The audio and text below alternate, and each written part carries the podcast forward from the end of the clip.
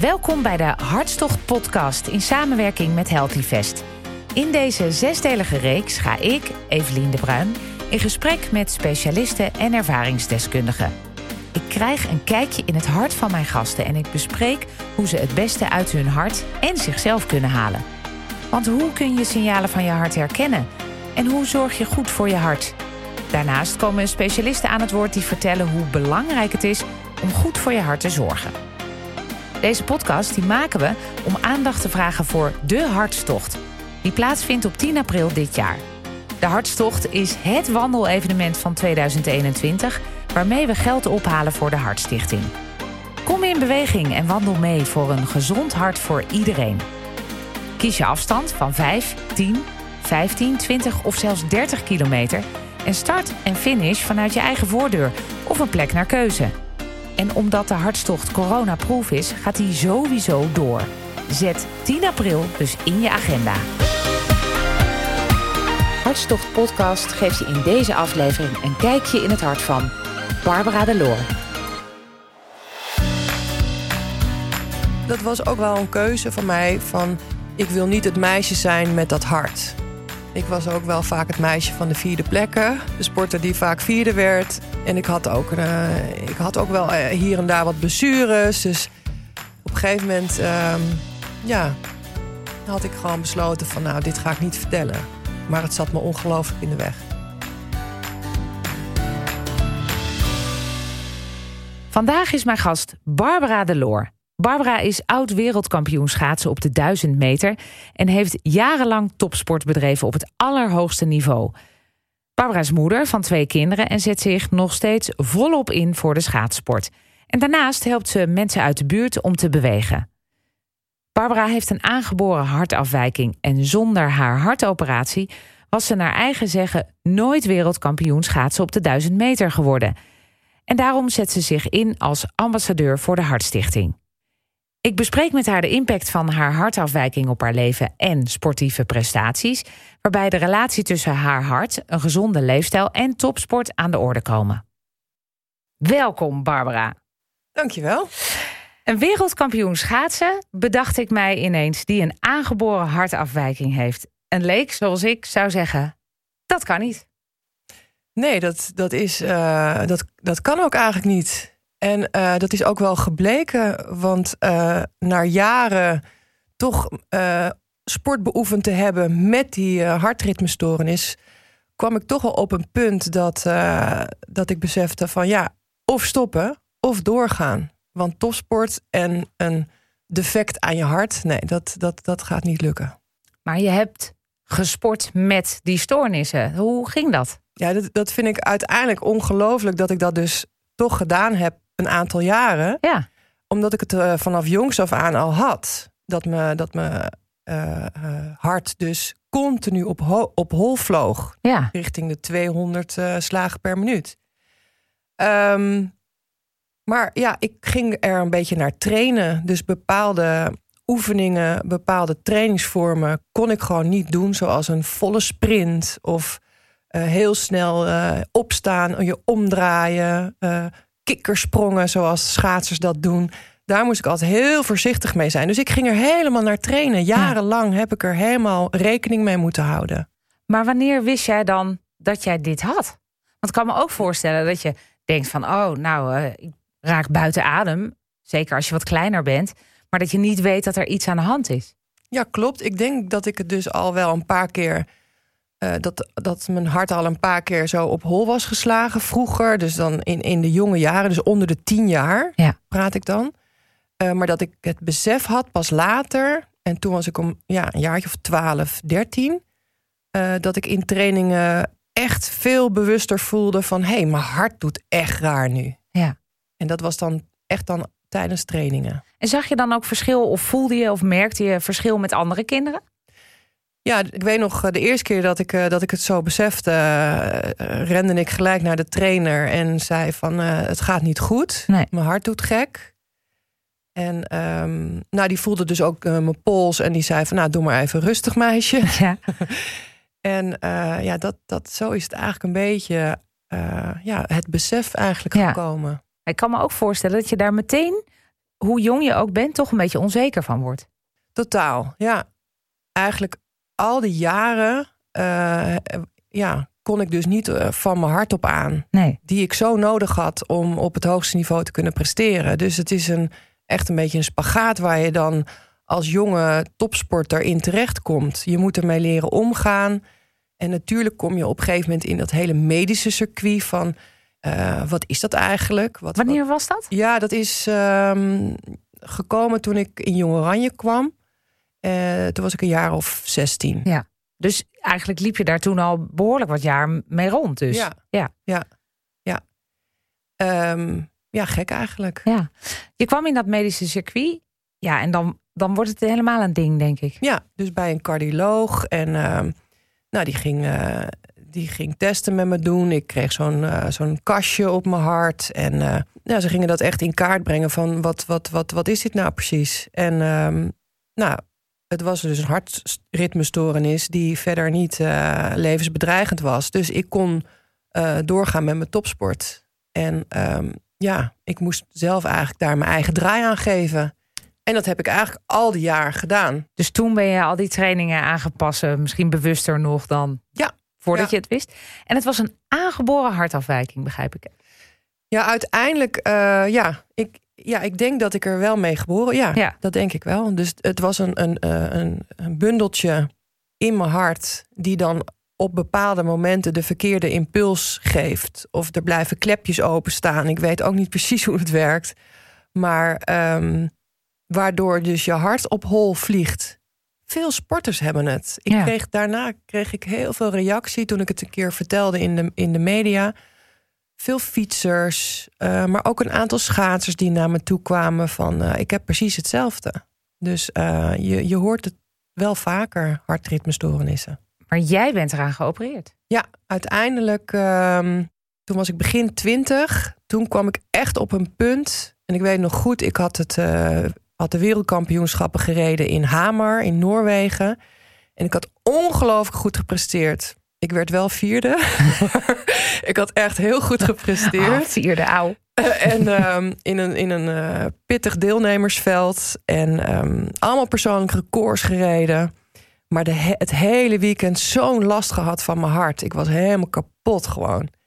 En uh, ja, toen heb ik aan het einde van het seizoen besloten... in samenwerking met natuurlijk, in samenspraak met de artsen... van we gaan, we gaan het verhelpen. En dat heb ik toen gedaan in, in Utrecht. En wat betekende dat voor je? Ik had toen geen idee.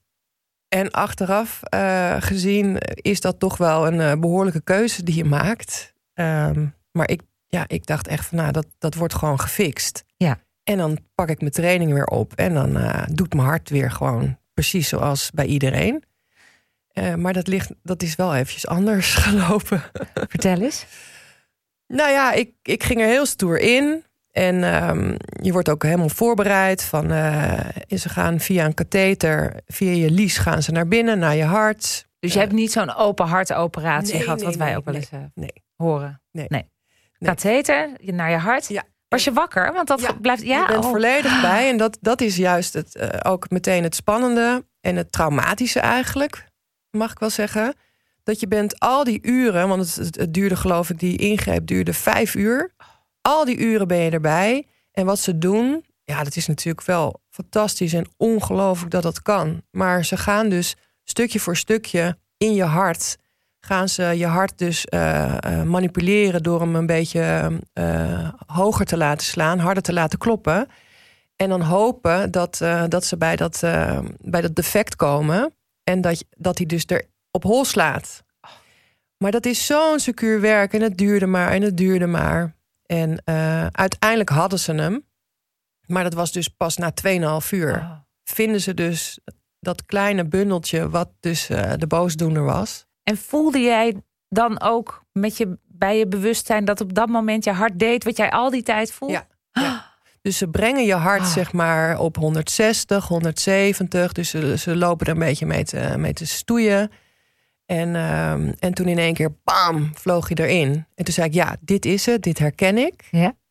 En, uh, en toen zei ze van, nou, dan, he, dan hebben we het gevonden. En dan kijken ze van, eh, kunnen we het, want dan, ze gingen het uh, dus kapot branden. Ja. Ligt, het, ligt het veilig? Kunnen we niet iets raken? Weet je, dan gaan ze goed, goed kijken of dat allemaal veilig is. Dat je niet uiteindelijk met een pacemaker eindigt. Maar dat is zo super spannend. Nou. Het, en ja, begin twintig was ik. ik ging er heel stoer in, maar ik, ik dacht toen ik daar lag van ik wil dit helemaal, ik wil hier helemaal niet zijn. Tijdens die operatie ja, heb ik echt gedacht. Heb je dat uitgesproken ook toen? Ja, op een gegeven moment in die zoektocht naar dat uh, defect. Um, is gewoon heel zwaar, want je hart wordt continu, wordt die dus uh, gemanipuleerd via die katheter. En uh, dus het is heel zwaar. Het is net alsof je continu weer even een sprintje doet van terwijl je, terwijl je ligt. helemaal stil ligt in je blootje met sokken aan. Dus het is echt een heel raar, raar gebeuren. Ja.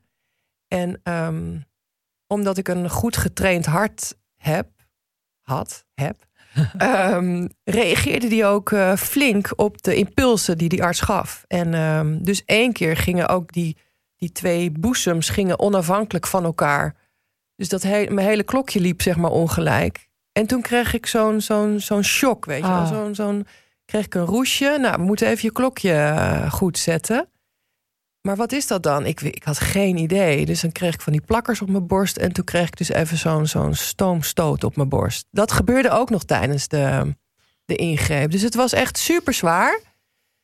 Uh, maar het moment dat jij dat uitsprak, dat je zei van ik wilde. Wat, wat zeggen artsen dan tegen jou? Ja, dat was dus nadat. nadat na die klap. Uh, na die klap. En uh, toen werd ik, kwam ik ook weer een beetje bij. En toen begon ik te huilen. En toen, ze, en toen zeiden ze van ja, kom op, je moet wel doorzetten. En je, we zijn er bijna. En, maar toen heb ik wel gehuild en gezegd van ik wil, ik, wil, ik wil dit helemaal niet. Ik ben klaar ermee, weet je wel. Omdat je de hele tijd ben je dus bij. En uh, het duurde maar, het duurde maar. Dus en dat, dat je dus ook heftig. alles voelt, alles denkt. En dat je dus ook, nou, dat je kan huilen terwijl je geopereerd wordt aan je hart. Ja, ja. ja en, en dus dat huilen moet ook, moest ik ook heel rustig doen, want anders verschuift er Ja. van alles. Het was Oh. echt doodeng. Ze hebben dat plekje dus gevonden. Ja. Dat hebben ze gefixt, gebrand, zei Ja. jij. Met, een, eh, ja, met 60 graden eh, maakt ze dat kapot. Alsof er een naald door je hart steekt. Dat voel je dus ook. Volledig, ja. Ja, dat was heel spannend. Dat, eh, dat hebben ze iets van vijf, zes keer moeten aanstippen. Dus dat is ja, volledige concentratie van eh, niet in paniek raken, rustig blijven ademen. De pijn komt. Ik geloof dat je een paar seconden die pijn dan moest, moest handelen. Hm? Stil blijven liggen. Ze zitten gewoon letterlijk in je hart. Ja, het is echt bizar, maar ze, het is lopende bandwerk. Het wordt elke dag worden op deze manier mensen geholpen. Ja, dat is het voor de artsen. Ja, Maar niet voor jou Nee, persoonlijk natuurlijk Nee. niet. Nee. Je bent daar heel goed uitgekomen. uiteindelijk. Lichamelijk. Ja, ja, uiteindelijk hebben ze het gewoon eh, voor elkaar gekregen. En heb ik die stoornis heb ik nooit meer gehad. Hoe blij ben je daarmee? Heel blij. Ja, want ze zeiden ook van ja, het leven na de topsport. Ook als je nog misschien kinderen wil krijgen. Nou, ondertussen hebben we twee jongens. Ja, dat, dat soort eh, momenten. eh, ja, zou, die, zou mijn hart wel weer op kunnen spelen. Ja. Maar dat is, dat is dus eh, niet gebeurd, want het is verholpen. Je hebt geen zorgen meer daarover. Nee. En misschien heb je ook wel geluk gehad dat je zo jong was. Hè? Dat je er op een bepaalde manier zorgeloos in kon gaan ook. Denk je dat? Zie je er Ja. een beetje bij lachen? ja. Nou, het eerste wat ik zei is na de operatie zei ik van... oh, als ik dit van tevoren allemaal geweten had, had ik het nooit gedaan. Dus ja, soms is het inderdaad ook Ja. maar beter om het gewoon te ondergaan... en te vertrouwen op wat er gebeurt. Maar had jij dan die medaille gewonnen? Nee, nee. Als ik het niet had gedaan, dan had ik met topsport gestopt. Ja. Dan moest ik stoppen, ja. Nou stipte jij net heel even aan dat je het wat later verteld hebt aan eh, andere mensen. Misschien pas in de openbaarheid eh, hebt gebracht. Is dat niet ook een, juist een heel eenzaam proces geweest? Want dan heb je, ne- neem ik aan, je, eh, nou ja, je coach heb je bij je. ehm, je ouders, die dat misschien ook wel allemaal met ledenogen aanzien. Ja. Dan heb je het veel gedeeld met mensen in die tijd. Kon je het Nee. een beetje... Nee. Nee. Waarom niet? het uit- ja, dat was ook wel, wel een keuze van mij. Van ik wil niet het meisje zijn met dat hart. Mm. Ehm, ik was ook wel vaak het meisje van de vierde plekken. De sporter die vaak vierde werd. Ehm, en ik had, ook, eh, ik had ook wel eh, hier en daar wat blessures. Dus op een gegeven moment, ehm, ja, had ik gewoon besloten van nou, dit ga ik niet vertellen. Nee. Maar het zat me ongelooflijk in de weg. Zou je dat anders gedaan hebben? Als je nu terug zou mogen in de tijd? Mm, nee, want ehm, dan gaan toch eigenlijk altijd de gesprekken over. En hoe gaat het nou met je hart? En uh, tuurlijk, het was een heel belangrijk uh, onderdeel. En het had zeker impact op, uh, op mijn dagelijkse trainingsdagen. Maar ja, ik wilde het niet. Ik, ik wilde het niet te. Ja, het onderwerp van de dag wilde ik het niet laten zijn. Continu. En waarom heb je er nu dan voor gekozen om als ambassadeur, ervaringsdeskundige voor de Hartstichting op te treden? Nou ja, nu heb ik natuurlijk een andere rol. Ja. Um, dus ik, ik vind het nu, uh, ja, merk ik, omdat ik ook veel vragen krijg van mensen. Van uh, hoe heb je dat gedaan? Hmm. En uh, ik heb ook zoiets, lijkt dat erop? bij wie ben je geholpen? Dus ja, nu, nu vind ik dat ik een ander soort rol heb gekregen. Ik, ik, de topsport ligt achter me. En uh, ik begeleid nu ook veel dames bij mij in de buurt met, uh, om, om lekker te bewegen en gezond te eten. Dus ja, juist door mijn ervaring te delen met hen en de mensen om me heen, um, ja, is, is dat zeg maar, uh, vind ik een heel positief punt geworden. Als ik jouw leven een beetje bekijk op een afstand, dan zie ik voor me dat jij eerst een transformatie hebt gehad doordat je hart heel gemaakt is, om het maar zo te zeggen. Uh, en daarna heb je weer een transformatie gehad, want toen werd je gewoon mens. Van topsporter naar gewoon mens. Ja. Hebben die twee dingen vervlochten in dat proces naar gewoon mens nog elkaar geraakt? Um, ja, het is natuurlijk zeker zo dat alles wat je vanuit topsport me meeneemt naar het nieuwe leven. Toen ik stopte was ook heel spannend. Van jeetje, wat moet ik nou gaan doen? Ik kan toch alleen maar schaatsen? Het zwarte gat. Ja, inderdaad, zwarte gat. Of, of jeetje, ja, je moet echt totaal een nieuwe invulling gaan, gaan Ja. geven aan alles. Uh, maar ja, je komt, ik kwam er dus heel erg achter van dat al alle zaken die ik geleerd uh, heb als topsporter over mezelf, um, ja, dat neem je ook mee in Ja. het nieuwe leven. Dus ook je hartoperatie. Zeker, Ja. die ervaring, het, toch het doorzetten, het, uh, hè, de problemen gaan oplossen, uh, met mensen blijven praten die je daarbij kunnen helpen, goed luisteren naar mensen die, die gewoon daar hele zinnige dingen over te zeggen hebben. Ja, dat. Wie hebben je daarmee geholpen? Um, uiteindelijk heb ik dus um, een jaar lang uh, gerevalideerd. En dan bedoel ik vooral mentaal gerevalideerd. Omdat het zo'n uh, zo'n um, impact heeft gehad, die ingreep, zeg maar traumatisch. Ja, dat zei je. Ja. Um, vertrouwde ik gewoon mijn lichaam niet meer zo goed. En dat moest ik weer helemaal herpakken. Ja. En ik moest elke dag, uh, moest ik natuurlijk in die topsport, moest ik weer opnieuw um, mijn hart richting de 180, 190 uh, laten gaan. Terwijl alles in mijn lichaam zei van, nee, jij hebt je portie gehad. Ik wil dat je dat niet doet. Dus het was zo tegenstrijdig. Maar was dat in je lichaam of was dat in je hoofd? In mijn hoofd. Ja. ja. Mijn hoofd die zei echt van, doe normaal. Ja. Waarom? Waarom? Waarom weer? Waarom doe je dit? Dus dan heb je een keuze gemaakt. Ik wil door met topsport. Ik moet geopereerd worden, want anders moet ik stoppen. En dan ben je geopereerd en dan zegt je hoofd eigenlijk alsnog... kap er maar mee. Ja, kap er maar mee. En, aan, en tegelijkertijd ook van... hè, de teleurstelling van...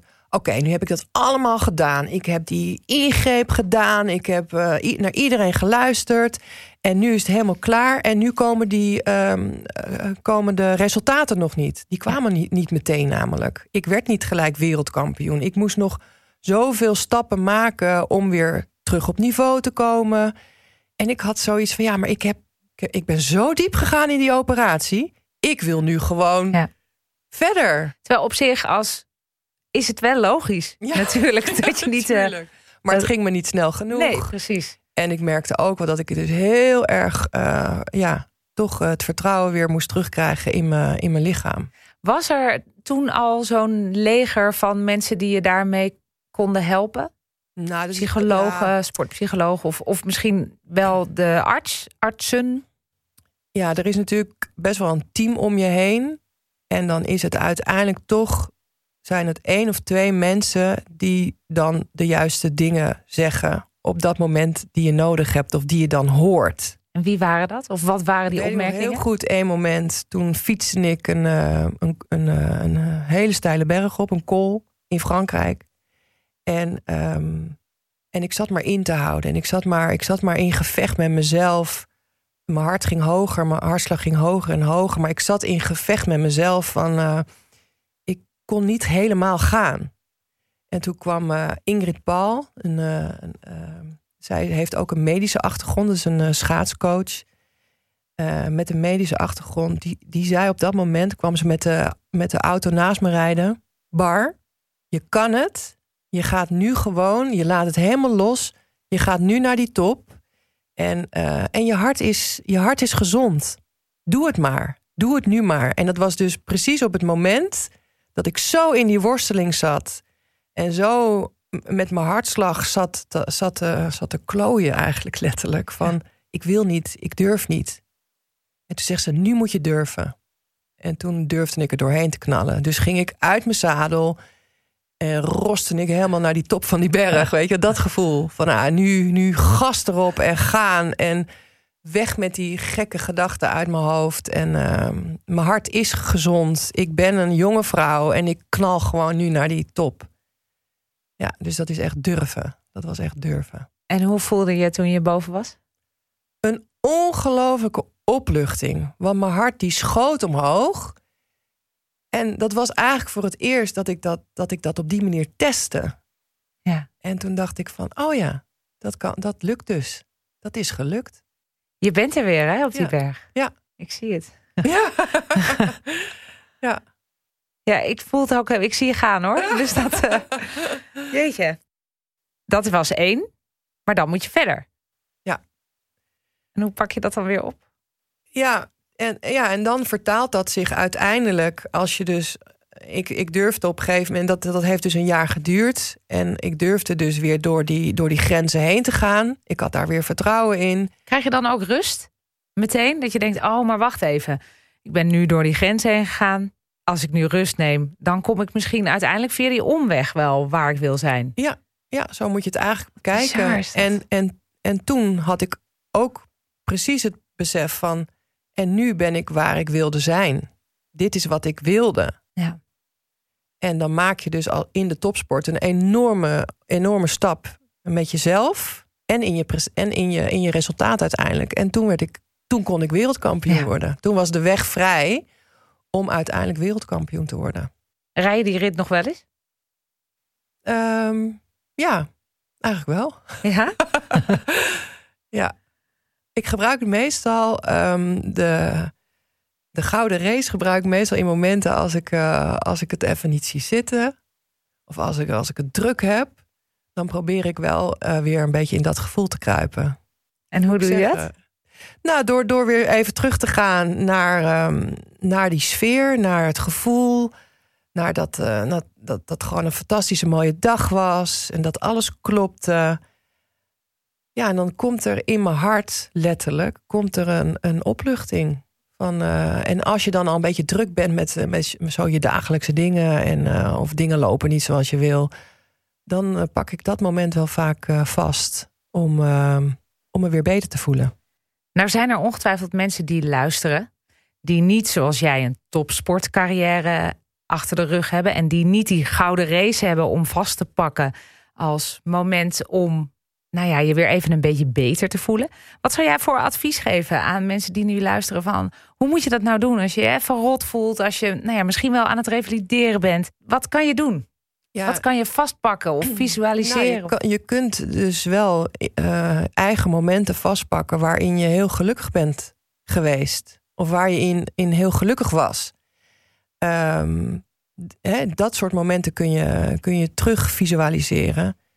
Of je kunt, ehm, wat ik altijd doe ook, is ehm, lekker naar buiten uh, gaan wandelen. Ja. Nou ja, wandelen werkt ook voor mij zo meditatief eigenlijk. Zo fijn hè, om, om toch niet meteen uh, topsportachtig of uh, echt sport, maar meer, meer gewoon in beweging te zijn. Ja. In beweging te zijn, even je, je gedachten weg te laten waaien. Even lekker zuurstof naar, binnen, naar binnen zuigen. en ja, ik, ik vind dus dat wandelen vind ik wel ook heel fijn voor dat soort dingen. Gewoon even naar buiten, een rondje om en, uh, en dan weer verder gaan. 10 april is de hartstocht. Je gaat zelf meelopen. Ja. Hoeveel kilometer ga je doen? Uh, meestal doen we, doe ik er 20. Netjes. Ja. ja. Ik heb het nu drie keer gedaan, 20, 20 kilometer. Wat maakt wandelen nou zo fijn? Ja, wat ik zeg, het is wandelen is um, een vorm van lekker in beweging zijn. En toch niet het idee hebben van, nou, nu ben ik enorm aan het sporten. Maar je bent wel goed in beweging. Um, je, het, ja, je bent lekker buiten. Uh, goede zuurstof in de lucht. En zelfs als het een beetje regent, maakt het ook niet uit. Nee. Neem een paraplu mee of doe een goede jas aan.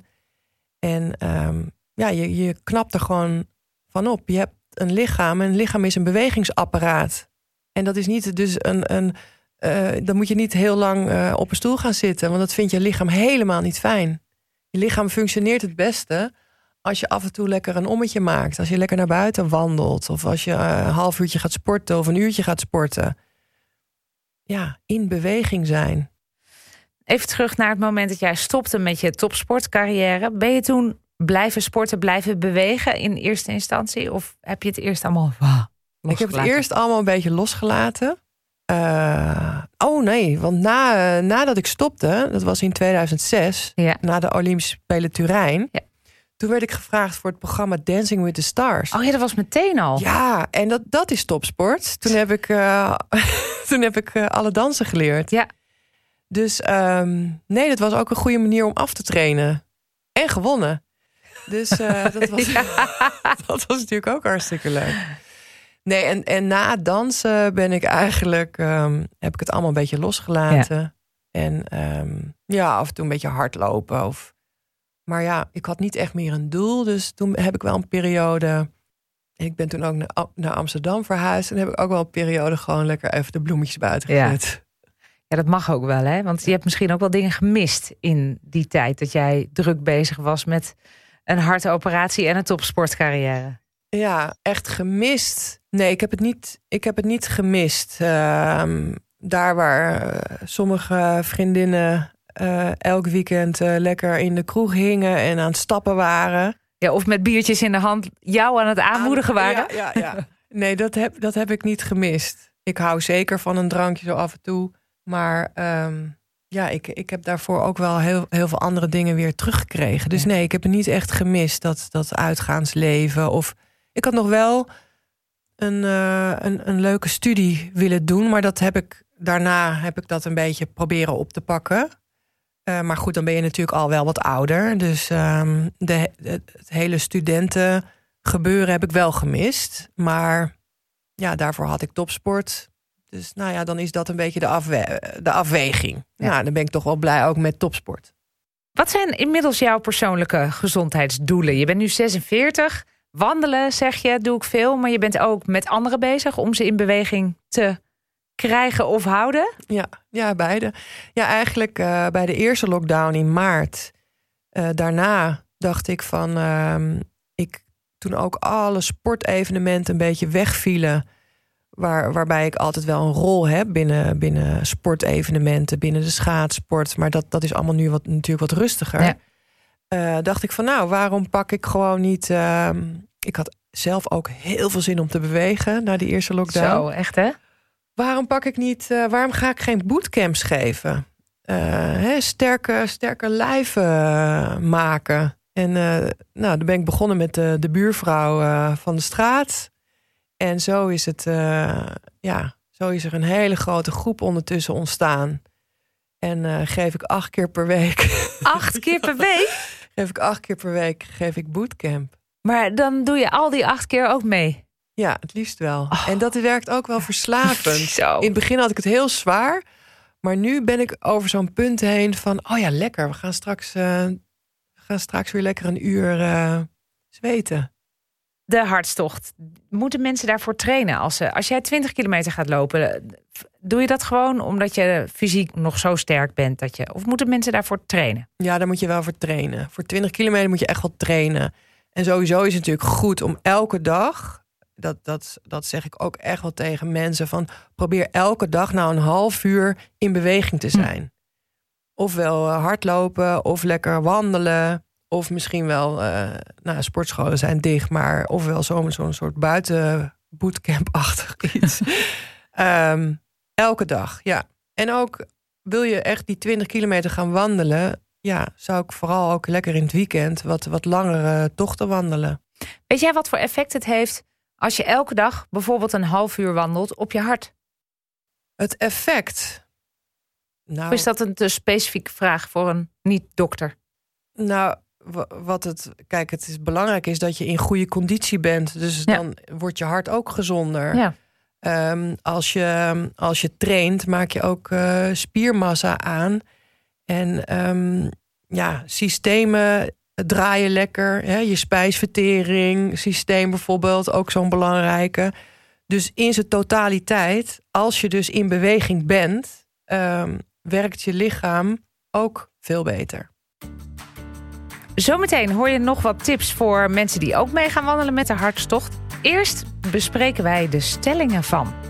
En deze week gaan de stellingen over sport en het hart.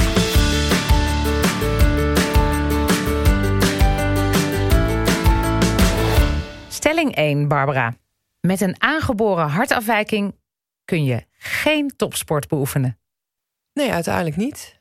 Uiteindelijk voor het allerhoogste niveau, en dan heb ik het dus over een gouden medaille, ofwel op een wereldkampioenschap of een Olympische medaille, maar dat ga je niet, dat ga je niet behalen met een, uh, met een hartritmestoornis.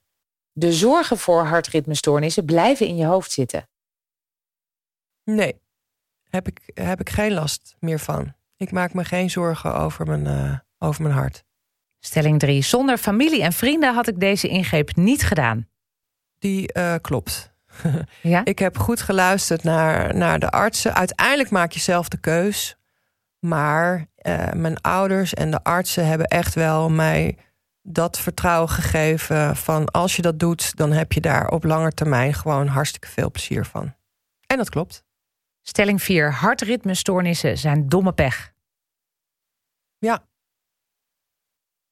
Stelling 5. Topsport is slecht voor je. uh, jeetje, die is wel heel moeilijk.